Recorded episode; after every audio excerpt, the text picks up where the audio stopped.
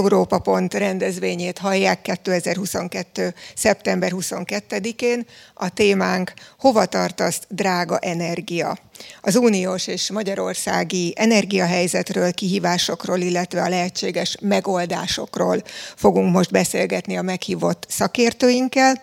Plecser Tamással, az ELSZTE befektetési ZRT olaj- és gázipari elemzőjével, Sverla Viktorral, a MOL stratégiai igazgatójával és Bart Istvánnal, a Klíma Stratégia 2050 intézet igazgatójával. Kérdezném Plecser Tamástól, hogy kicsit leszállva mindennapokba, mire, milyen térre számíthatunk, hogy néz ez most ki? Fogunk-e fázni, lesz-e elég gáz, és persze az egy másik kérdés, hogy meg tudjuk-e majd fizetni.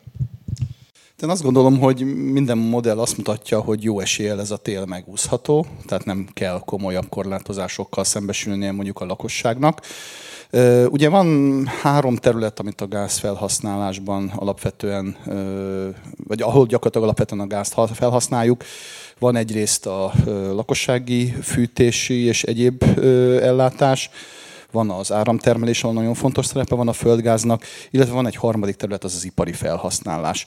Na most politikai és, és egyéb okokból én azt gondolom, hogy a lakossági gázellátás és az áramtermelés az két kiemelt terület, tehát nyilván itt is takarékoskodnunk kell, viszont itt a gázellátás korlátozása az nagyon komoly problémákat tud okozni, az politikailag is nagyon veszélyes tud lenni gyakorlatilag a 24 órás áramellátás az egy alap dolog egy modern kapitalista gazdaságba, úgyhogy azt fenn kell tartani, akár csak a lakossági gázellátást. Ahol probléma lehet, és ahol már látjuk is azt, hogy visszafogottabbá kezdnek válni a szereplők, az mindenképpen az ipar. Tehát gyakorlatilag az a hiányzó mondjuk 30-40 milliárd köbméternyi gázmennyiség, ami hiányozhat Európában, ennek a nagy részét valószínűleg az ipar fogja elszenvedni. Ennek már ugye látható jelei is vannak. Én azt láttam a piacon, hogy amikor 200 euró per megawattóra fölé emelkedett az európai gázár, akkor az európai üzemek folyamatosan zártak be, köztük a műtrágyagyárak, a vegyipari cégek, üveggyárak és minden nagy felhasználó. Tehát valószínűleg az alkalmazkodás e, keresleti oldalról az ipar területén lesz. Egy dolgot hagyd emeljek még ki, hogy egyetlen egy esetbe kerülhetünk szerintem bajba. Ez pedig akkor történhet meg, hogyha a fűtési szezon végén, február-márciusban bejön egy komoly hideg. Ez ugyanis az az időszak, amikor már a tárolói telítettség alacsony. Ugye a tárolókról azt kell tudni, hogy a kitárolásnak a menete az nem folyamatos, hanem ahogy a tárolók közelednek a nulla tároltsági szinthez, egyre kisebb az a volumen, amit ki lehet belőlük venni. Na most, ha mondjuk február végén vagy március elején jön egy nagyon komoly hideg, ugye a hazai ellátás plusz import plusz tárolói kitöltöttség, vagy ki, ki tárolás együtt lehet, hogy nem biztos, hogy tudja biztosítani egy nagyon rövid időszakig, egy-két-három napig a teljes ellátást. Tehát én ilyen lakossági korlátozást maximum ebben az esetben tudok elképzelni, de hogyha egyenletes és normális lesz a telünk, akkor komoly problémánk nem lesz. Ha pedig olyan lesz a telünk, mint a tavalyi tél, akkor még valószínűleg a tárolói töltöttség is relatíve magas marad március-áprilisra. Jó, szerintem még a fűtésre is visszatérünk, csak szeretném kérdezni Szverra Viktort is, hogy lesz elég benzin és dízel? Hát mi mindent megteszünk, hogy legyen. Benzin minden bizonyal lesz, ugye dízelben vagyunk szűkösebbek, és itt a az EU-s szankciók is érinteni fogják egyébként az orosz dízel behozatalt. Kőolajról, földgázról viszonylag sok szó esik, de egyébként a dízelpiac 10%-át is orosz importból fedezzük, kb. 25 millió tonnát, úgyhogy azért ezt sem egyszerű kiváltani. Szerintem egyébként sikerülni fog, de meg lesz az ára ezt a dízelt ezt máshonnan be kell szereznünk, azért egy olyan árat kell fizetnünk, hogy valaki hajlandó legyen idehozni és itt értékesíteni. És itt még annyit el szeretnék mondani, hogy eleve egy nagyon feszes fluktuációban vagyunk itt a régiónkban üzemanyag szempontból. Ugye a Sveháti finomító is csak 20%-os kihasználtságon megy egy baleset miatt, és nem tudjuk igazából, hogy mikor fog tudni visszatérni 100%-ra, illetve a MOL üzemeiben is a júliusban ugye Szlovákiában, augusztusban, mm, itt Magyarországon, és még októberben lesz még egy néhány hetes karbantartás 130 finomítóban. Sajnos ezeket már nem lehetett tovább halogatni, ezek is nyilvánvalóan csökkentik a kínálatot és nagyon fontos, hogy az ársapka intézkedés az nem segít több szempontból sem. Ugye az importot azt viszonylag minimálisra csökkent, ez egy magyar specifikum, de eleve a régiós eléggé feszített, főleg dízelbe. Magyarországon az ársapka miatt a, a helyzet az még kevésbé rózsás, ugye egyrészt kisebb az import, másrészt pedig kivettük az árszignált a rendszerből, semmi nem ösztönzi az embereket a fogyasztás csökkentésére. Én nem tudom, hogy a maihoz hasonló dugókat, azt mikor láttam utoljára Budapesten, és hogyha működne az árszignál, akkor vélhetően egy kicsit más forgalomintenzitást tapasztalnánk. Ez ugye a keresleti oldalról segíteni azt, hogy, hogy legyen elegendő üzemanyag annak, akinek mindenképpen szüksége van rá. Most mindenkitől kérdezném kicsit provokatívan, elképzelhető-e, hogy minden szállítást leállítanak az oroszok, és erre a helyzetre eh, hogyan készül mondjuk az Európai Unió, hogyan készül Magyarország, vagy ez egy teljesen illuzórikus eh, lépés? Hát szerintem elképzelhető, tehát hogy mégis amire az elmúlt hónapok megtanítottak, az az, hogy hogy az oroszok, Putyin konkrétan ugye nem egy racionális cselekvő. Tehát nekem ez volt a legnagyobb tanulsága a februári eseményekből, amikor mindenki úgy gondolt, hogy hát ugyan minek támadná meg Ukrajnát, mi a fenének, mire jó ez, kiderült, hogy, hogy, hogy ő egy másik mozit néz, amiben ez egy, ez egy logikus és értelmes tevéken cselekedet volt. Ilyen értelemben ez a fajta ö, lezárás is, is elképzelhető. Ö, szerintem erre föl, kell, erre föl kell tudni készülni, és én úgy tudom, hogy készülnek is erre tervek. Tehát eleve ugye az Európai Unió által megtervezett és kigondolt takarékossági intézkedések nagyon sokat segítenek, ugye ezek mind a, a, a, az olajra is vonatkoznak, meg a, meg a lakossági gázfogyasztásra is. Ugye itt önkéntes vállalások vannak a tagállamok részéről, amik aztán kötelezővé alakulhatnak, és ilyen különféle fokozatosan lehet ezeket a dolgokat szigorítani. Nyilván a, a, a tagállamoknak erre fel kell készülni. Nagyon érdekes, én láttam egy IMF tanulmányt, amiben pontosan ezt modellezték, de nem akarom elvenni a Tamás kenyerét, hogy ha te akarod elmondani az IMF tanulmányt. Tehát ők azt számolták ki, hogy mi lenne akkor, hogyha, hogyha hat hónapig nem lenne, nem lenne orosz gáz, és akkor milyen hatással lenne az európai gazdaságokra, és hát az jött ki, hogy Magyarország az, amelyik a legjobban ki van téve ennek a dolognak, mert itt ilyen 1,6%-os GDP csökkenés lenne valószínű, ami egyébként így belegondolva nem meglepő, hiszen nálunk a legnagyobb az orosz földgáz kitettség, ugye nálunk a legnagyobb a gáznak az aránya szinte, és annak a gáznak a szinte teljes mértékben, az szinte teljes mértékben orosz. Tehát, hogy ez egy természetes helyzet. Számomra ebből leginkább az következik, hogy ha Németországban aggódik a kormány, és hogy mondjam, ilyen, ilyen vészintézkedéseket, meg vészterveket csinálnak, akkor lehet, hogy nekünk is kellene. Mennyire reális az, hogy ez a jelenlegi helyzet felgyorsítja a zöld átmenetet, és tényleg azt mondják az országok, hogy jó, hát akkor ha nincs gáz, vagy kevesebb gáz van, vagy nagyon drága a gáz, akkor megpróbálunk valamilyen más energiaforrást találni, vagy ez a jelen pillanatban technológiailag még nem nagyon képzelhető el? Vannak-e best practices mondjuk Európában?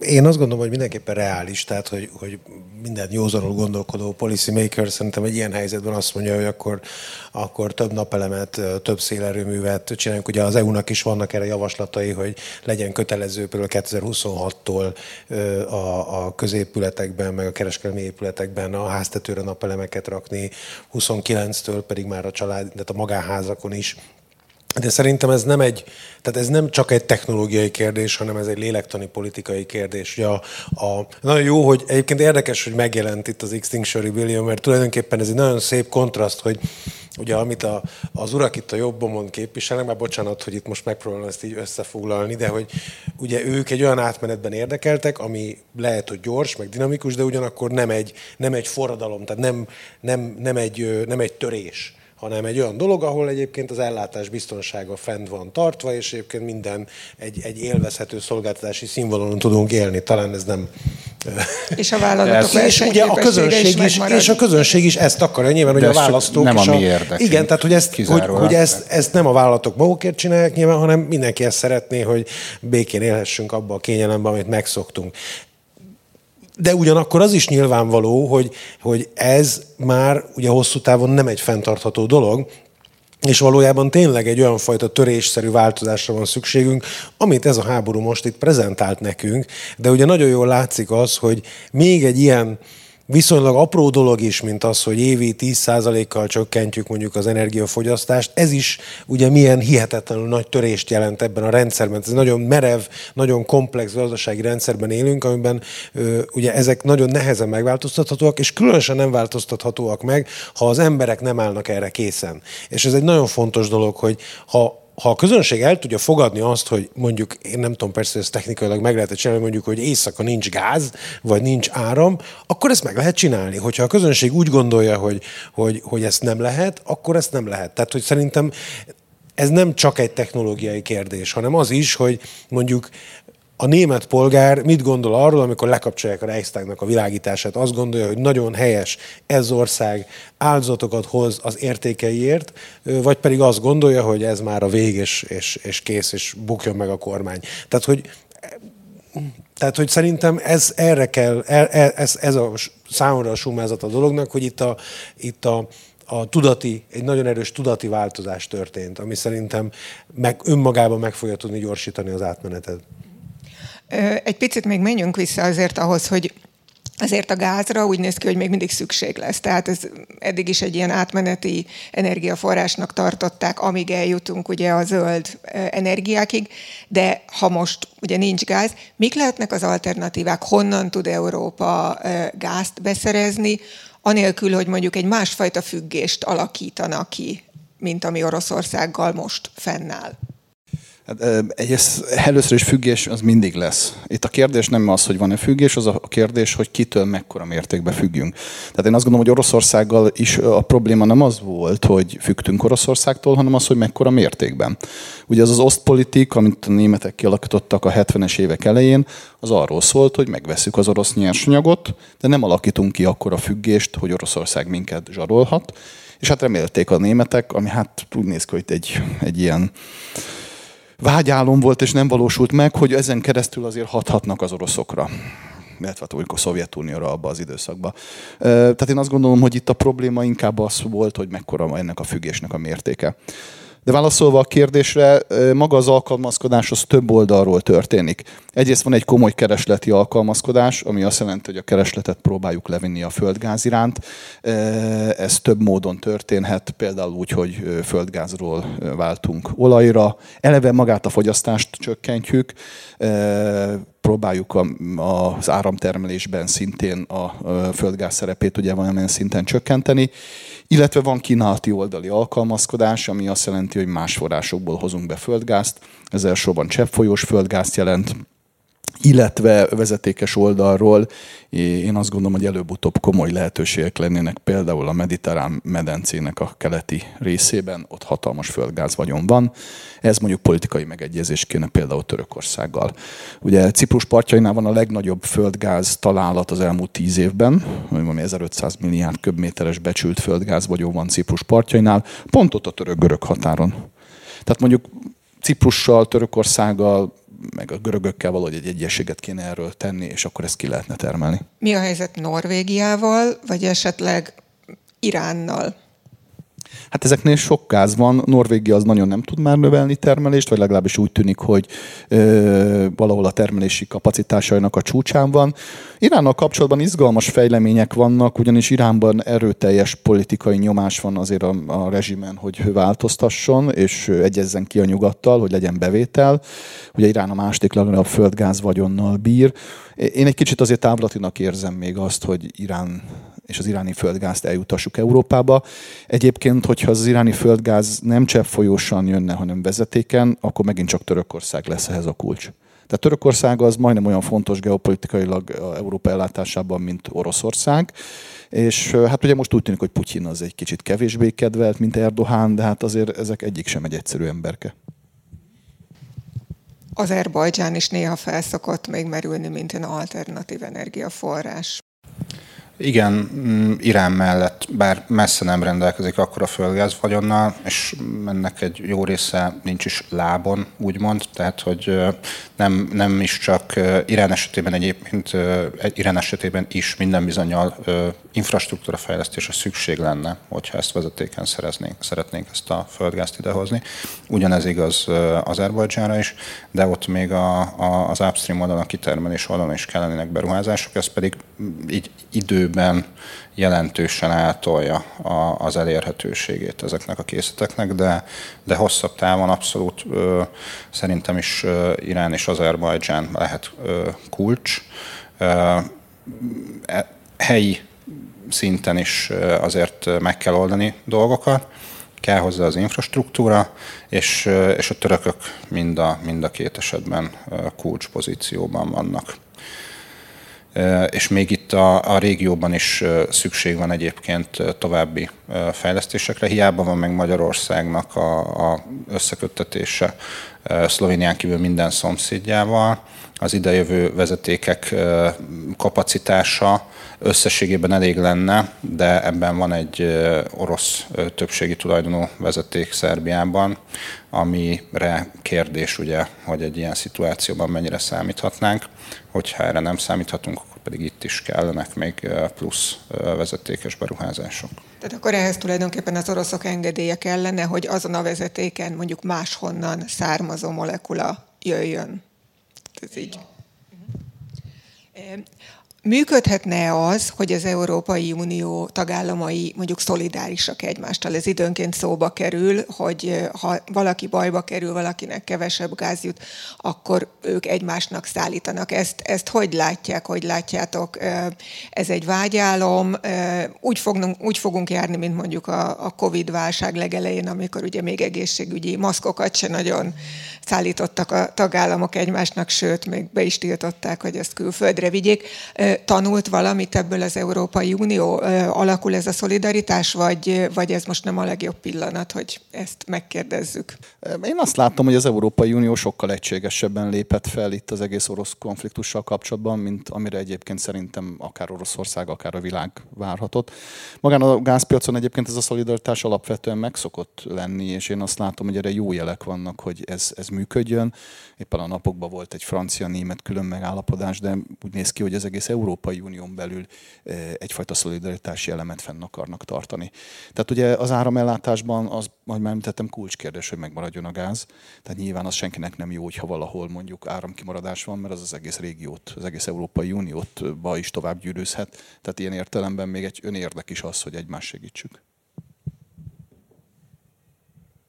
Mindenki egyetért. Igen, igen.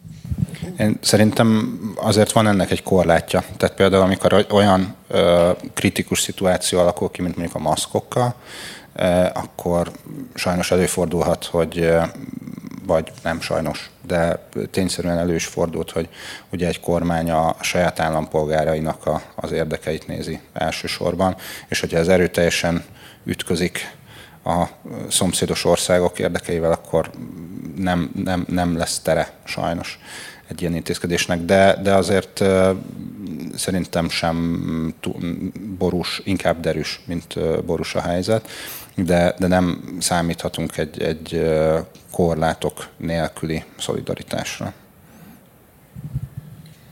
Jó. Ugye itt beszéltünk már a, az európai energiastratégiáról, a klímasemlegességről, amit ugye előre láthatólag 2050-re tervezett a, a közösség. De ugye most azt látjuk, hogy ebben a helyzetben például egymás után nyitnak meg a szén erőművek, amit próbáltunk kivezetni, mondván, hogy ezek a legkárosabbak a klímára. Ez, ez nem jelzi azt, hogy egy kicsit megfordul a, a folyamat? Vagy lehet azt mondani, hogy ez csak egy átmeneti megoldás? És ugye mi a helyzet mondjuk a nukleáris technológiával? Ez most itt két kérdés csokor, az egyik a, a, szén, a másik a, az atom. Én hadd had próbáljam meg ezt én. Tehát, hogy a, a, ugye a Németországban volt ez, ugye, hogy, hogy, hogy megnyitottak ugye egy pár szenes erővet, illetve tartalékba helyeztek, hogy így be, be, félig meddig beindították őket, de ugye a kancellár elmondta, hogy a második mondat az, az volt, hogy de ez egyébként a hosszú távú klíma céljainkat nem érinti. Tehát, hogy ez nem jelent egy, egy elfordulást a klímacéloktól, hanem csak egy ideiglenes, rövidtávú megoldás. És ugye az, az azért látszik, hogy, hogy, nem, tehát, hogy nem fognak új szenes erőműveket építeni. Tehát, hogyha ezek most még itt mennek. Ugye a Mátrai erőmű egy nagyon jó Igen, példája ennek, hogy a Mátrai erőmű már az utolsókat rúgja. Úgy volt, hogy ugye lejár az engedélye 25-ben, és úgy volt, hogy, hogy akkor be is zárják, mert ugye ezt a 70-es évek elején építették még lehet szórakozni vele, hogy egy pár, és egyébként nem is nagyon, általában nem szokták tudni beindítani, ugye ez a tapasztalat, hogy mindig oda mennek mérnek, megpróbálják, kiderül, hogy nem lehet. Tehát, hogy, hogy most az, hogy van még benne egy-két év, az szerintem nem akkora probléma hosszú távon. Nyilván nem jó, mert több széndiokszid lesz belőle, de hogyha ez kell ahhoz, hogy ezt a kritikus telet átvészeljük, akkor, akkor ugye nyilván ez lesz. Az atom, egyébként az atom az, az egy érdekes dolog, hogy itt, itt ugye a Németország megint csak felmerült, hogy akkor ne zárjuk be, illetve nyissunk újra egy atom, vagy hát ne zárjuk be azt az atomerőt, amit terveztünk. Ezzel kapcsolatban a legérdekesebb szám az, hogy hogy az, a kérd, az az atomkapacitás, ami most Németországban kérdéses, hogy mi legyen vele, az kisebb, az kevesebbet termel, mint amennyi az teljes szélkapacitása Németországnak. Tehát, hogy, hogy ez nem egy, nem egy nagy tétel valójában. Jó, a szél meg sok Németországban, de hogy, hogy valójában ez egy, ez egy sokadik szereplő ebben a történetben. Számomra a, a, én, én egy, egy másik dolgot emelnék ki, ami szerintem nagyon érdekes, hogy beszéltünk erről, hogy, hogy hogy lehetne diversifikálni, és milyen új vezetékeket, meg, meg infrastruktúrákat lehetne itt építeni, például ugye kitermelni a, a, a, a, ciprusi gázt. De ugye nem felejtsük el azt, hogy a, hogy a karbonsemlegesség az azt jelenti, hogy 28 év múlva nem fogunk gázt fogyasztani. Most az, hogy nem fogunk gázt fogyasztani, és ugye erre valami, és ez nem úgy lesz, hogy, hogy 49-ben még egy csomó gázt fogyasztunk, aztán 50-ben már semmit. Tehát, hogy az azt jelenti, hogy akkor 2030-ban mondjuk, vagy 2035-ben fele annyi gázt fogunk fogyasztani, mint most. Mondjuk ilyen nagyon durván számolva. Kérdés az, hogy ki lesz az, aki ezeket a beruházásokat megfinanszírozza abban a tudatban, hogy lehet, hogy 13 év múlva ez az egész dolog már nem igazán fog működni. És ez egy nagyon nagy probléma, hogy, hogy ahhoz, hogy diversifikáljunk, meg minden, ugye ahhoz kellenek olyan beruházások, amiket ugye egyrészt szeretnénk piaci alapon megcsinálni, másrészt pedig tudjuk, hogy ha minden jól megy, hogyha hiszünk ennek a bolygónak a jövőjében, akkor ezek a, az eszközök ugye nem fogják a hasznos élettartamukat kihasználni és erre még nem igazán látom a, a megoldást, de most egy kicsit átvettem a kérdés szerep, kérdező szerepét, de szerintem ez egy nagyon érdekes dilemma. Én azt gondolom, hogy az elmúlt tíz évben nagyon elkényelmesedett Európa és a nyugati világ. Rendkívül szerencsés időszak volt. Tehát, ha végignézzük itt az elmúlt pár száz év gazdaság történetét, azt lehet mondani, hogy ilyen szerencsés időszak, mint ez az elmúlt tíz év, ez, ez soha nem volt. Ugye alacsony kamatok voltak, rendkívül alacsony foszilis árak voltak, legalábbis 2014-től ugye a kőolaj nagyon olcsó volt, de megnézzük a földgázárat, éppen most néztem meg, hogy a TTF ár az kereken 20 euró volt megawattóránként ami egy nevetséges ár, főleg a mostani viszonyok között. Tehát ez egy nagyon kényelmes időszak volt, ez elkényelmesítette Európát. Gyakorlatilag mindenki azt gondolta, hogy ez a gázellátás ez egy örökre meglevő és stabil ellátás lesz. Ilyen értelemben nem nagyon voltak backup kapacitások. Tehát ugye, ha azt kérdezed István, hogy, hogy mi legyen ezzel a gázmezővel, igen, valamilyen szinten egyfajta állami garanciát kell ehhez adni egy, egy kapitalista magáncégnek, hogy ez biztosan kitermelje, mert igen, az a veszély valóban fennáll, hogy a gáz fogyasztás az masszívan csökkenni fog, és hát ugye egy beragadt eszköz lesz ez a cégek várva. Hát Hát ez egy remény, Egyik igen. oldalról remény, Ez egy remény, viszont az lehetőség. látszik, hogy azért egy, egy, egy backupnak ezt, ezt valamilyen szinten fel lehet tartani, és hát nyilván ehhez valami fajta állami támogatásra szükség van. Úgyhogy, úgyhogy ez jutott erről eszembe. Egyébként egész Európában ezek a atomerőművek, és tulajdonképpen az egész áramtermelési kapacitás nagy része a 70-es, 80-as években épült ki. Tehát ezek kifutóban vannak. Né, állandó probléma van például a francia nukleáris kapacitásokkal is, egyszerűen azért, mert előregedett a flotta, tehát itt az elmúlt tíz évben ezt is elhanyagoltuk. Egyszerűen nem raktunk elég pénzt az energiarendszerünk átalakulásába, beleértve a megújulót, beleértve egyébként a foszilist is. Tehát ez, ez egyszerre az orosz problémával, most a gázellátással egyszerre sújtja a kontinenst, úgyhogy megfeszített munka lesz most a következő tíz év. Egyszerre kell ugye gyakorlatilag az energiátalakulást elindítanunk, egyszerre kell a foszilis megoldásokat is elérnünk, illetve egyszerre kell biztosítanunk azt, hogy legyen ellátásbiztonsága a régiónak. Sverla Viktor, ugye céges szempontból ez gondolom még izgalmasabban merül föl, és majd még lenne itt kérdésem, de nyugodtan reagáljon. Igen, hát így az elmúlt években nem nagyon szoktunk unatkozni egyébként, így mindig azt gondolom, hogy már túl vagyunk valami nehezen, és akkor rá lehet fordulni a hosszú távra, meg egy kicsit feltöltődni, de erre nem igazán volt lehetőségünk. Mm, én ezt a, az elmúlt időszakot, ugye a nukleáris erőművek működésének meghosszabbítását, a szenes erőművek visszaindítását, a, a földgáz helyettesítését folyékony üzemanyagokkal az energiatermelésbe. Ezt úgy látom, hogy, hogy elég komoly tabukat döntünk. Tehát az, hogy Németországban arról beszélünk, hogy meghosszabbítsanak egy nukleáris erőműnek egy működését, ez gyakorlatilag az előző 40 évvel megy szembe. Tehát ne, szerintem körülbelül 40 éve nem mert senki ilyet mondani. És, és ez ráadásul a, egy olyan kormány, amiben ugye a zöldek... Ez egy zöld kormány, és, ott vannak. és ugye a zöld mozgalom az igazából, a zöld mozgalomnak elég komoly hogy mondjam, bázisa, illetve alapja az antinukleáris mozgalom Németországban. Úgyhogy, úgyhogy szerintem ez, ez, ezek eléggé rendkívüli események, és ugye nem vették a fejét az illetőnek, tehát ez is ebből szerintem az látszik, hogy a, egy, egy súlyos energiaválság az ma nem egy megengedhető szenárió, még egy német zöld kormány szerint sem.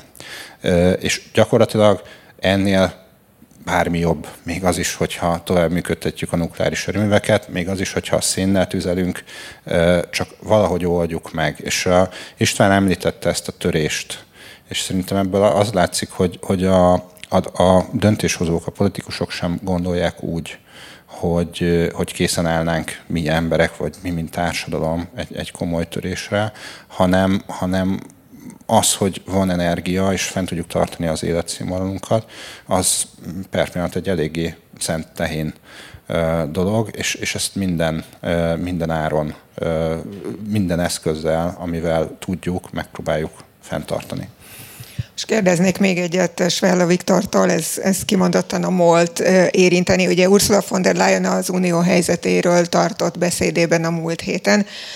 Többek között azt is felvetette, hogy külön adót kellene fel kivetni azokra az energetikai cégekre, amelyek most úgymond extra profitot generálnak ezekből az energiaárakból. Elképzelhető, hogy erről lesz európai megegyezés, és ha igen, akkor ez a MOLT is érinteni? Ugye különadók Magyarországon már vannak, akkor ez egy európai különadó lenne.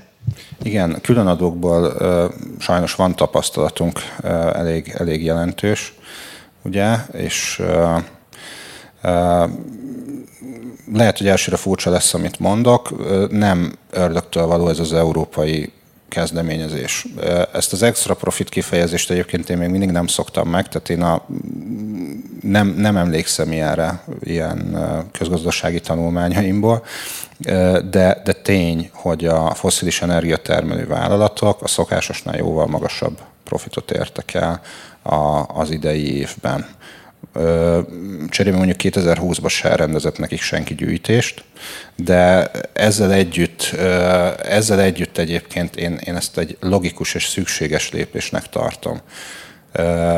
Egyébként kőolaj, és még azt mondom, hogy még üzemanyagfronton sem állunk annyira, annyira rosszul, a földgáz az, aminek tényleg most az ára, az a, az a szokásos ár, hát hogyha a 20 eurót nézzük, akkor mondjuk most a 9-10 szeresénél tartunk, de még hogyha a 30 eurót nézzük, ami már egy ilyen elfogadhatóbb hosszú távú átlag, annak is most a, körülbelül a hatszorosa a jelenlegi ár. És ez egy olyan energiaárszint, amit a gazdaságunk egyszerűen nem tud elviselni. És ha ez az árszint fent marad, és nem teszünk valamit, nem nyúlunk bele az újraelosztási rendszerbe, ugye az adórendszer. Egyébként szolidaritási hozzájárulásnak hívja az EU szemérmes módon, de hát egészen úgy néz ki, mint egy adó. Tehát mondjuk az egyszerűség kedvéért nevezzük adónak. Ez, ez egy jó eszköz lehet arra, hogy egy, egy nagyon komoly, súlyos recessziónak a hatását próbáljuk tompítani, vagy nagy Isten, ha nagy szerencsénk van, akkor mondjuk egy recessziót elkerülni.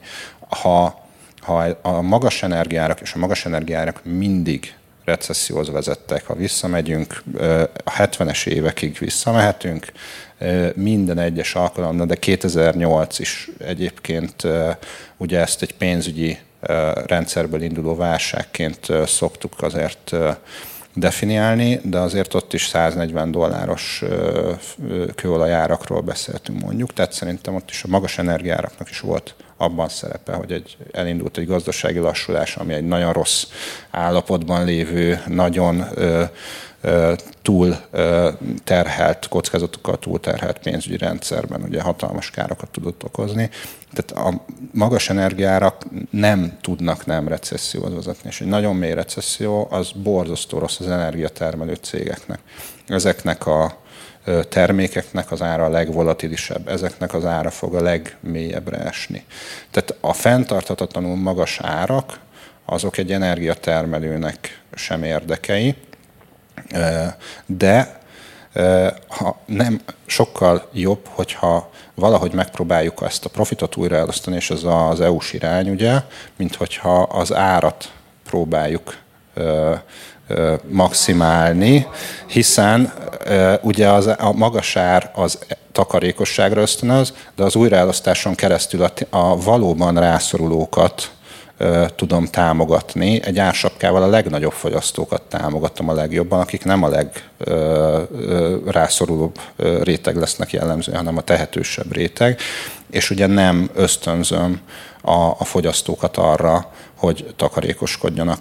Úgyhogy egy ilyen rendkívüli helyzetben teljesen logikus lépés, egy, egy minden kormánynak mindenkori legitim célja, hogy a gazdaság stabilitását próbálja megvédeni. És gyakorlatilag most ezek a gázárak valóban a gazdaság stabilitását veszélyeztetik. Egy ilyen szolidaritási adó jó eszköz lehet ennek a hatásának a tompítására. Az viszont még nagyon fontos, hogy a európai szinten bevezetésre kerül egy ilyen adó, az viszont nagyon igazságtalan volna, hogyha ez addicionálisan rakodna a már helyileg meglévő adókra, amik egyébként is nagyon torzítják a piacot, ugye ez egy nemzetközileg versenyző piac. A egyik országban ilyen szabályozás van, a másikban olyan, az egyikben ennyit vannak, a másikban annyit. Ez nem nem nagyon tesz jót a, a piacoknak. Ebből a szempontból is jobb egy európai szabályozás, de nagyon fontos, hogy ne ez, ez ne egy addicionális teher legyen ebben az esetben, hanem akkor legyen ez egy egységes mindenki számára jelenlévő és, és megfizetendő hozzájárulás. Ez mennyire egy szuverenitási kérdés? Tehát, hogy mire van egyáltalán az Európai Uniónak jogköre, és ez hogyan ütközik a tagállamoknak nyilván a saját saját érdekeivel. Plecser Tamás? Amennyire tudom, azért az adózás az nemzeti hatókörben van, tehát igazából ez egy kvázi egy ajánlás inkább az Európai Unió részéről. Annyit tennék hozzá, hogy ezt az adót be lehet vezetni egy-két-három évre maximum. Azzal lenne jó, ha pontosan tudnánk, hogy mennyi ideig lenne. És ennek azért vannak káros hatásai, azért azt tudni kell. Ugye itt már elhangzott, hogy a cégeknek nagyon nagy beruházási kötelmeik vannak akár az energiabiztonság, akár a zöldítés irányába. Ha elveszük tőlük a pénzt, akkor ezeknek a cégeknek nem lesz pénzük beruházni. Tehát ennek azért van egy komoly ára. A másik az, hogy ez egy veszélyes precedens, és ugye a politikusok nagyon könnyen rászoknak arra, hogy itt cégeket meg lehet jó adóztatni. Hiszem a legjobb példa erre pont Magyarország, úgyhogy nem csak a MOL, de hát a bankrendszer ugyanezt nyögi. Ennek hosszabb távon nagyon negatív következményei vannak. Még egy megjegyzést hadd tegyek, amit Viktor mondott, hogy Számolgattam például, hogy Magyarország mennyit fizet földgázra. Ugye 2020-ban ez a cech, ez kb. 850 millió euró volt. Az idei számla az valahol 12 és 14 milliárd euró között lesz. Ma jött ki ugye a folyófizetési mérlegünk, nem emlékszem a pontos számra, csak azt láttam, hogy a makrolemzőik fogják a fejüket, és magyarázták nekem, hogy az elmúlt 30 év legnagyobb folyófizetési mérleg hiánya van Magyarországon. Ez a második negyed év volt. Tehát az biztos, hogy ezt a magas gázárat ez az ország nem fogja elviselni, anélkül, hogy recesszió ne legyen, és anélkül, hogy a fogyasztást vissza ne fognánk. Ezt mutatják ezek a számok. De ez nem csak Magyarországra igaz. Szerintem ez az egész ezt, Európára igaz. Ezt Németország sem tudja elviselni, tehát nincs az a jövedelem szint, ahol ez így kimenne a mosásba. Tehát ez egy, ez egy akkora szemmel látható plusz összeg, ami, ami minden gazdaságot és minden uh, háztartást megtermel. És köszönöm, hogy mondtad a, a, a, azt, hogy vigyázni kell arra, hogy mennyit vannak el, Ugye a, az EU-s javaslatot nem tudom ki mennyire ismeri, de ez tényleg az extra profitnak egy részét vonja. Tehát ez, szerintem ez is egy jó irány. Tehát a, szokásosnál magasabb realizált profitot, és igen, az időbeliség is fontos. Ugye ezt sem mondtam, mi erre úgy tekintünk, mint egy egyszeri befizetésre, ez 2022-re tervezik ugye bevezetni, tehát nem arról van szó, hogy innentől az idők végezetéig valóban. De ezzel együtt minden, mindaz együtt, amit mondtam, tényleg egy veszélyes precedens, de, de, de egy nagyon mély energiaválságon, energiaválság miatt kialakuló recesszió is egy nagyon rossz szenárió. Tehát, hogy van rossz, meg rosszabb szenáriónk most per pillanat, amerre, amerre haladni tudunk a fogyasztó szintjén mit, mit lehet tenni ebben a helyzetben, és akkor most térjünk egy kicsit vissza Magyarországra, hogyha tényleg egy ekkora hiány lesz a költségvetésben, a folyófizetési mérlegben, előbb-utóbb nyilván mindenkinek el kell kezdenie spórolni. Mi az, amit mondjuk a, a fogyasztóknak lehet mondani, mi a, mi a racionális módja a spórolásnak. Nyilván azért az, hogy 16 fokban ücsörögjünk otthon, az nem nagyon elvárható. Milyen beruházásokat érdemes tenni, amik aztán megtérülnek záros határidőn belül? Hát én a, én a termosztátot javaslom, a programozható termosztátot, ami hogy mondjam, 40 ezer, 50 ezer forintból már lehet venni egy elég jót, és állítsuk be azt, hogy éjszaka, amikor úgyis alszunk, akkor legyen, legyen két, három, akár négy fokkal, kinek milyen, ugye, mit tetszik, hidegebb. Ugye egy Celsius fok különbség az már 7%-os energiafogyasztás különbséget jelent, tehát hogy, hogy az nagyon sok. És egy ilyen jó termosztáttal, hogyha az ember gondosan beállítja, meg ugye amikor elmegyünk otthonról, tehát hogyha olyan munkánk, hogy nem otthon ülünk, hanem elmegyünk, akkor se kell, hogy fűtsön. Ezekkel a termosztátokkal ilyen 8-10 százalékokat meg lehet takarítani a, a, a fogyasztáson, és tényleg nem egy nagy ügy ö, megcsinálni őket a, a legtöbb, a legtöbb háztartásban. Én ezért is egyébként nagyon sajnálom azt is, bocsánat, hogy visszatérek a politikára, hogy, hogy Ugye azt nem láttam, hogy Gulyás Gergely a kormányinfon fölállt volna, és azt mondta volna, hogy emberek, ez itt egy termosztát, és mondjuk a a, az MVM küld neked egyet hitelbe, amit majd tíz év alatt a villanyszámládon kifizetsz, hogy valami, tehát hogy, és ugye láttuk, hogy lélegeztetőgépeket milyen jól tudnak vásárolni, szerintem termosztátot is lehetett volna vásárolni, nyilván rosszak lettek volna, de mindegy, csak az a lényeg, hogy valami, tehát hogy most ugye ott tartunk ma Magyarországon, hogy, hogy egész Európa nálunk sokkal gazdagabb országok, tényleg erre tanítják a polgáraikat, hogy így takarékos, hogy azt oltsd le, nem tudom, Olaszországban ha fölfort a tésztavíz, akkor utána ne hagyd lobogni, miközben fő a tészta, hanem húz le egy kicsit. Ilyeneket, ettől az olaszok is kiakadtak egyébként. De hogy, hogy ez nagyon komolyan megy. Na most mi ehhez képest ugye úgy csinálunk, mintha ránk mindez nem vonatkozna, és ez szerintem egy, valamiféle lélektani dolog, amiben, a, amiben most sajnos a magyar kormány az nem próbálja meg áthúzni az embereket abba az irányba, hogy, hogy érezzék, hogy bizony ez most egy másik helyzet. Ez nem az a helyzet, amikor egyszerűen az van, hogy majd a miniszterelnök mindent megold, és minden tök jó lesz. Hát sőt, ugye sokáig ment ez a, a nyugati államoknak a kifigurázása, hogy majd ott fognak ülni gyertyafénynél a német nyugdíjasok. Innen nehéz azért váltani hirtelen. Igen, én is ugyanezt látom, tehát a valóságnak egyfajta tagadását lehet látni. Ugye Magyarországon a békeidőben is a rezsire elköltötte a lakosság a jövedelmének 16-18 százalékát. Ez most fel fog menni 40-50-re. Ez azt jelenti, hogy a társadalomnak egy jelentős része egyszerűen nem fog tudni fűteni.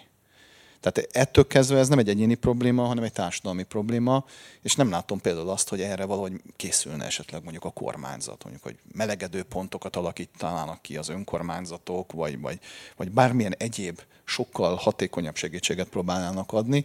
Szóval én ilyen szempontból egy kicsit azért hiányolom ezt a fajta intézkedéssort, vagy akár tényleg ez is egy jó tett, hogy adjunk mindenkinek olcsóbban vagy ingyen termosztátokat, hogy vegyük le a hőmérsékletet. Más nem nagyon lehet rövid távon csinálni, levenni a hőmérsékletet. Nyilván, ha van egy kis időnk, akkor hosszabb távon el lehet kezdeni a korszerűsítését a fűtési rendszereknek.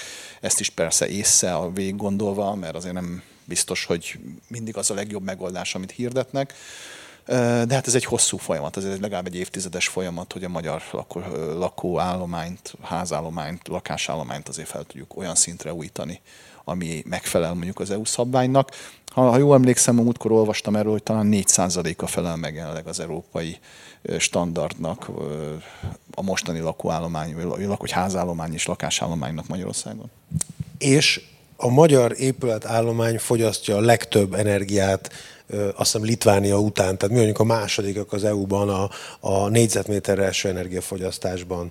Tehát ez a tíz évnyi rezsicsökkentés, ez gyakorlatilag azt jelenti, hogy tíz évig nem érte meg ebbe a dologba beruházni, és nem is történtek beruházások, és most nem marad más, mint hogyha nem a termosztát, akkor a, a párna az ablakba, meg a nem tudom, a, tehát ilyen, ilyen egy kis szigetelgetés, hogy a húzatod el, de ezekkel nem lehet olyan sokat takarítani, csak a komfortod jobb lesz, de, de olyan nagy megtakarításokat nem lehet így elérni.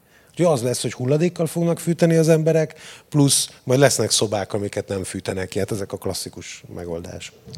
Érdemes áttérni az áram, a gázról az áramra, mert ugye vannak ilyen javaslatok is, hogy akkor inkább árammal fűtsünk, mert ez akkor sokkal olcsóbb lesz. Attól függ. Tehát ez minden, minden egyes egy esetben egy mérlegelendő dolog. Egyébként Európa az elektrifikáció felé megy. Tehát én azt gondolom, hogy ha mondjuk egy új építésű ingatlant csinálnék én most, az egyértelműen nem a gáz felé mennék el, hanem vagy egy távfűtés, vagy egy elektromos fűtés irányba.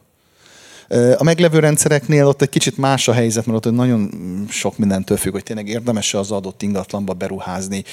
Én attól tartok egyébként, hogy sok esetben az is kiderül, hogy az adott ingatlant nem érdemes egyáltalán megtartani, nem hogy bármilyen fűtéskorszerűsítést tenni. Tehát ugye egy, egy, egy, szoktok mondani, hogy egy idős hölgyre tesznek egy mennyasszonyi ruhát, attól az, az nem biztos, hogy jobb lesz.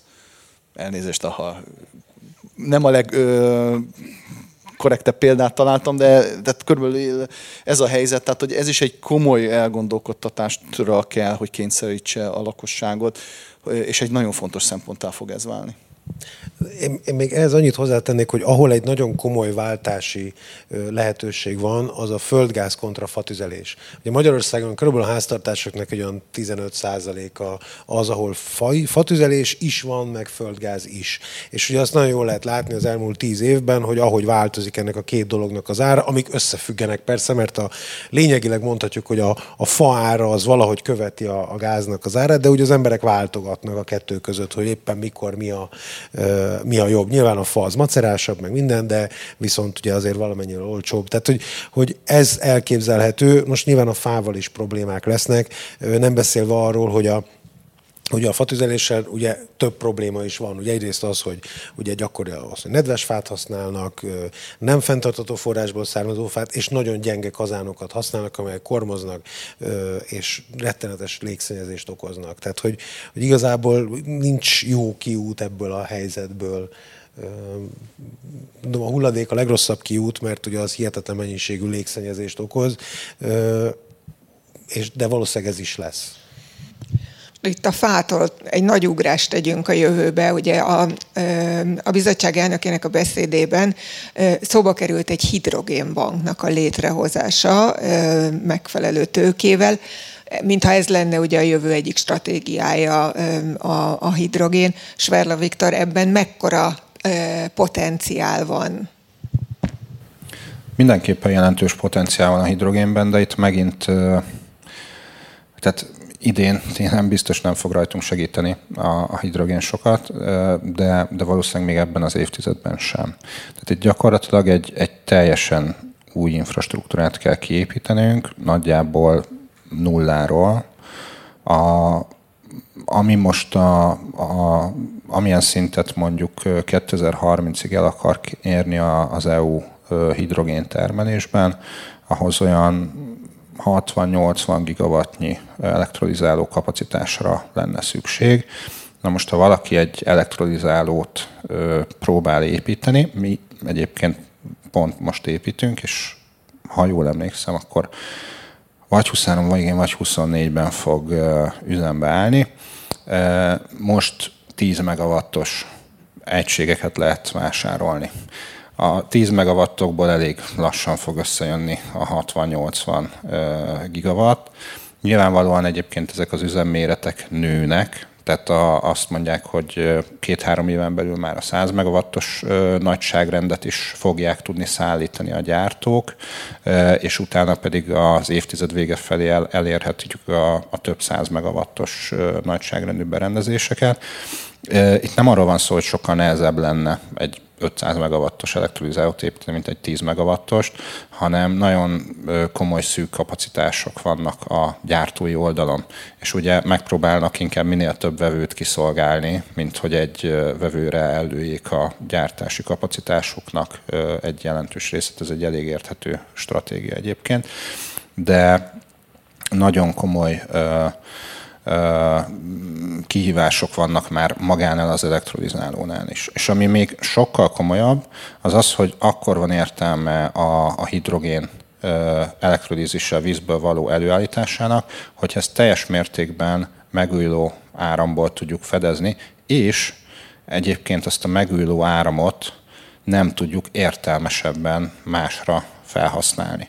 Ugyanis ha az, a közvetlen áramfelhasználás az mindig egy sokkal hatékonyabb ö, megoldás lesz, nagyobb lesz a hatásfoka az egész értékláncnak, mint hogyha beépítek egy plusz lépést, és hidrogént állítok elő, és azt a hidrogént akár elégetem, ö, akár tüzelőanyagcellában, ami egy fordított elektrolizáló gyakorlatilag, visszaalakítom vízzé, és áramot termelek vele, annak a hatásfoka az nehezen tud ilyen 50-60 százaléknál több lenni.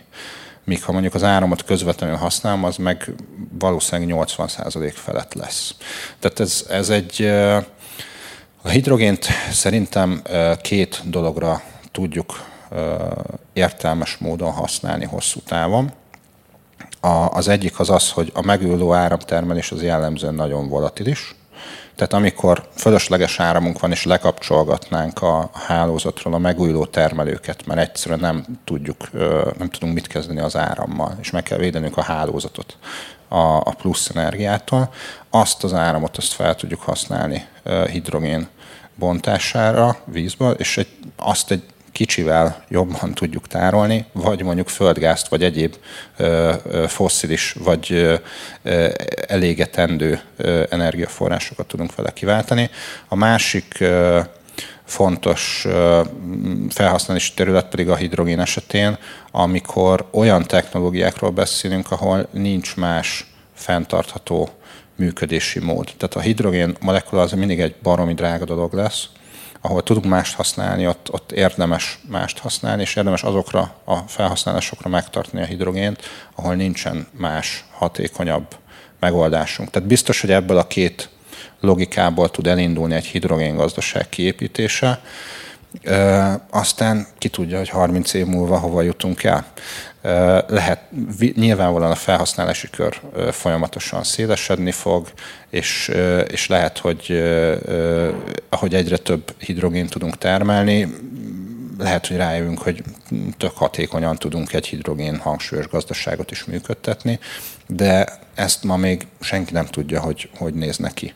Úgyhogy uh, itt, uh, itt el kell indulni ezen az úton, de, de nem hiszem, hogy ez ebben az évtizedben uh, tudna egy áttörést okozni. Azzal együtt szerintem a hosszú távú potenciálja az jelentős.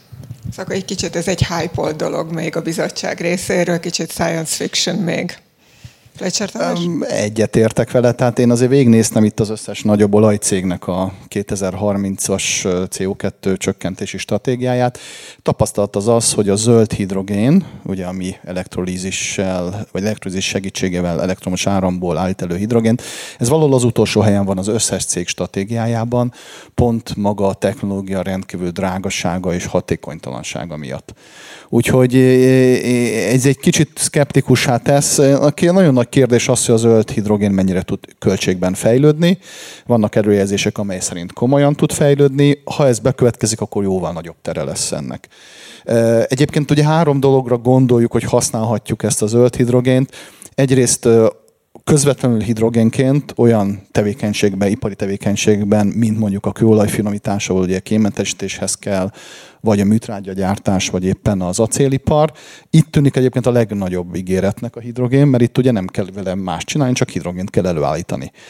A másik nagy terület az az energiatárolás lenne, viszont itt a rossz hír az az, hogy vissza kell alakítani a hidrogént elektromos árammá, és ennek a körnek a hatásfoka, ez valahol olyan maximum 40% 40-45 százalék körül van. Tehát kvázi én azt szoktam mondani, hogy a megtermelt elektromos áramnak a kétharmadát azt, azt elveszítjük ezzel.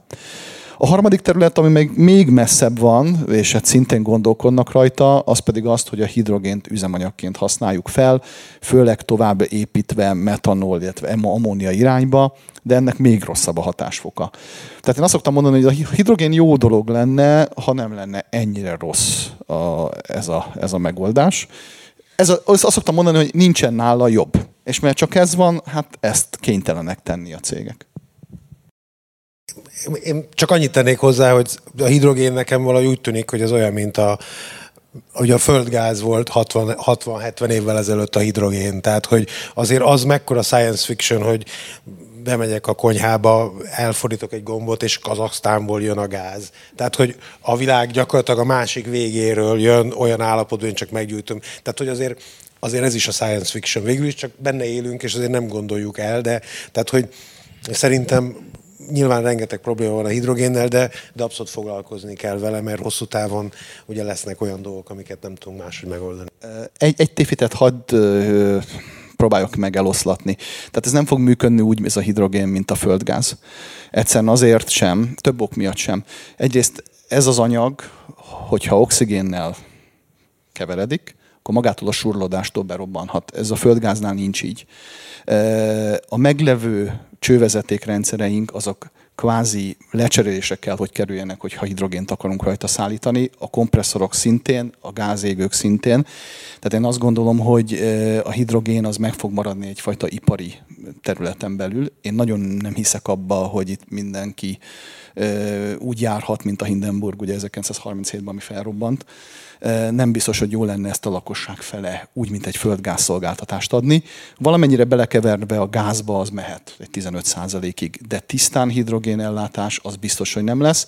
Ez is inkább azt erősíti, hogy egyébként hosszabb távon az elektrifikáció lesz az, amit inkább a lakosságnak fogunk tudni nyújtani fűtésre és minden egyéb szolgáltatásra. Ezek egyébként nagyon ö, komoly megoldandó problémák, de, de szerintem nagyon messze vannak időben, amikor majd meg kell őket oldanunk. És uh, ugye Tamás mondta az ipari felhasználást, ma is globális szinten 70-80 millió tonna hidrogént használunk fel ipari uh, folyamatokban. Ennek a nagy részét valamilyen molekulába beépítjük. Tehát, hogy nincs nagyon más mód, oda hidrogén kell abba a kémiai reakcióba, és kész, akkor lesz belőle az a termék, amit szeretnénk. Tehát az első lépés egyébként ennek a, a lecserélése e, tud lenni, és az, hogy ennyi hidrogént előállítsunk, az, az, az nagyon messze van időben való, valójában, és a, tehát az egyik ugye az elektrolizáló kapacitás képítése, a másik meg a, a megújulónak a hozzáépítése és a hozzáillesztése, és úgy meglepő módon a, a megülő áramtermelő beruházásoknak a capex igénye az többszöröse, ami kiszolgálják az elektrolizálót, az többszöröse magának az elektrolizálónak a capex igényének. És akkor megint jön az a kérdés, hogy azt a megtermelt zöld áramot, ezt egyébként nem tudom-e valahogy értelmesebb módon felhasználni. Mekkora az esélye annak, hogy Magyarországon megépül Paks 2, és úgy épül meg, ahogy azt most gondoljuk? Erről, erről mit gondoltok? Hát én sok problémát látok vele. Nem tudom elképzelni, hogy az oroszokkal ezt meg lehet építeni. Részben azért sem, mert ugye itt nem, ez nem csak orosz az erőmű, de rengeteg nyugati cég alkatrészei fognak beépülni, és nem tudom elképzelni, hogy egy General Electric hogy fog egy rossz atommal kooperálni. Úgyhogy én, én nagyon furcsállanám, és nagyon meg lennék lepve, hogyha ez menne. A világban egyébként a nukleáris iparban van egy nagyon komoly forradalom. Erről azért keveset szoktak beszélni. Nagyon komoly fejlesztések vannak az Egyesült Államokban, Egyesült Királyság, Kína, és Oroszország is egyébként, ezek a modulári, moduláris erőművek. Tehát én azt gondolom, hogy lehet, hogy Magyarországnak is egy kicsit inkább ebbe az irányba kellene majd később gondolkodnia. Ezek olyan előre gyártott, általában kisebb méretű atomerőművek, amelyeknél sok esetben már maga a operáció is passzívan ad egy komoly biztonságot. Tehát például nem víz alapúak, hanem adott esetben nátrum, tehát só gyakorlatilag, ami közvetíti az energiát, és, és egyéb megoldások is vannak. Utántöltésük az általában nem egy-két év, hanem mondjuk három-tíz év. Tehát nagyon sok komoly dolgot ígérnek, olyan cégek, mint mondjuk TerraPower vagy NuScale, érdemes ezeket utána nézni. Lehet, hogy ezek egyébként hosszabb távon inkább lehetőségek lennének Magyarországnak, mint egy ilyen nagy méretű erőművet építeni, főleg ezzel az orosz partnerrel, akivel most hát ugye a nyugati világnak azért van problémája. De szükség van egyébként az atomenergiára, ugye ez egy nagy vita, kicsit egy ilyen hitvita. Bart István? Hát én azt gondolom, hogy, hogy ugye az atomenergia egy tehát pillanatnyilag egy nagyon drága módja a villamosenergia előállításának.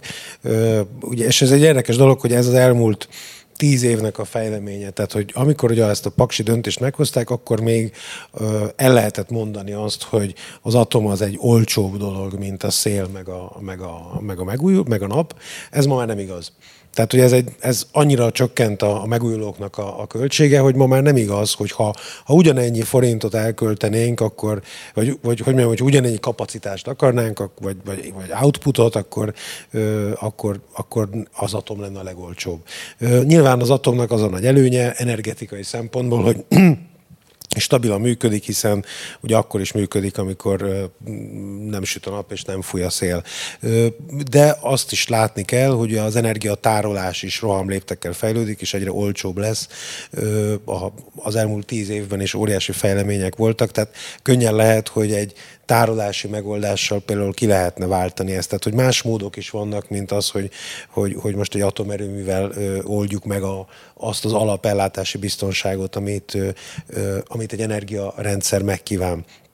És ne felejtsük el azt sem, ami szerintem egy nagyon fontos dolog, hogy ha azt a pénzt, amit ugye már elköltöttünk ugye erre a, erre a Paks 2 projektre, hogyha ebből mondjuk, hogyha ugyanennyi pénzből napelemeket vásároltunk volna, vagy naperőműveket, azok már félig megtérültek volna most arra. Tehát, hogy, hogy gyakorlatilag itt van egy nagy gödör, amiben öntjük a pénzt, öntjük, öntjük, és nem tudjuk, hogy, hogy mikor lesz ebből bármiféle haszon, miközben ugye más olyan beruházások születhettek volna. Tehát, hogy, hogy mondjam, elszívja a levegőt minden más elől ez a, ez a paksi beruházás, és hát ez, ez egyébként nem egy meglepő dolog, mert ugye a politika, meg hát a bankok is ugye gyakran így működnek, hogy, hogy szeretnek egy nagy projekt, az jó, el van intézve, és akkor le, le van tudva. Sajnos a, az energiaforradalom ez energia átmenet, ez, ez nem megy így. Tehát nem lehet egy géppel, egy berendezéssel megoldani, hanem három millió háztartást kell beszigetelni, ami nem izgalmas, nem szórakoztató és nagyon babra munka, és akkor ugyanennyi napelemet rá.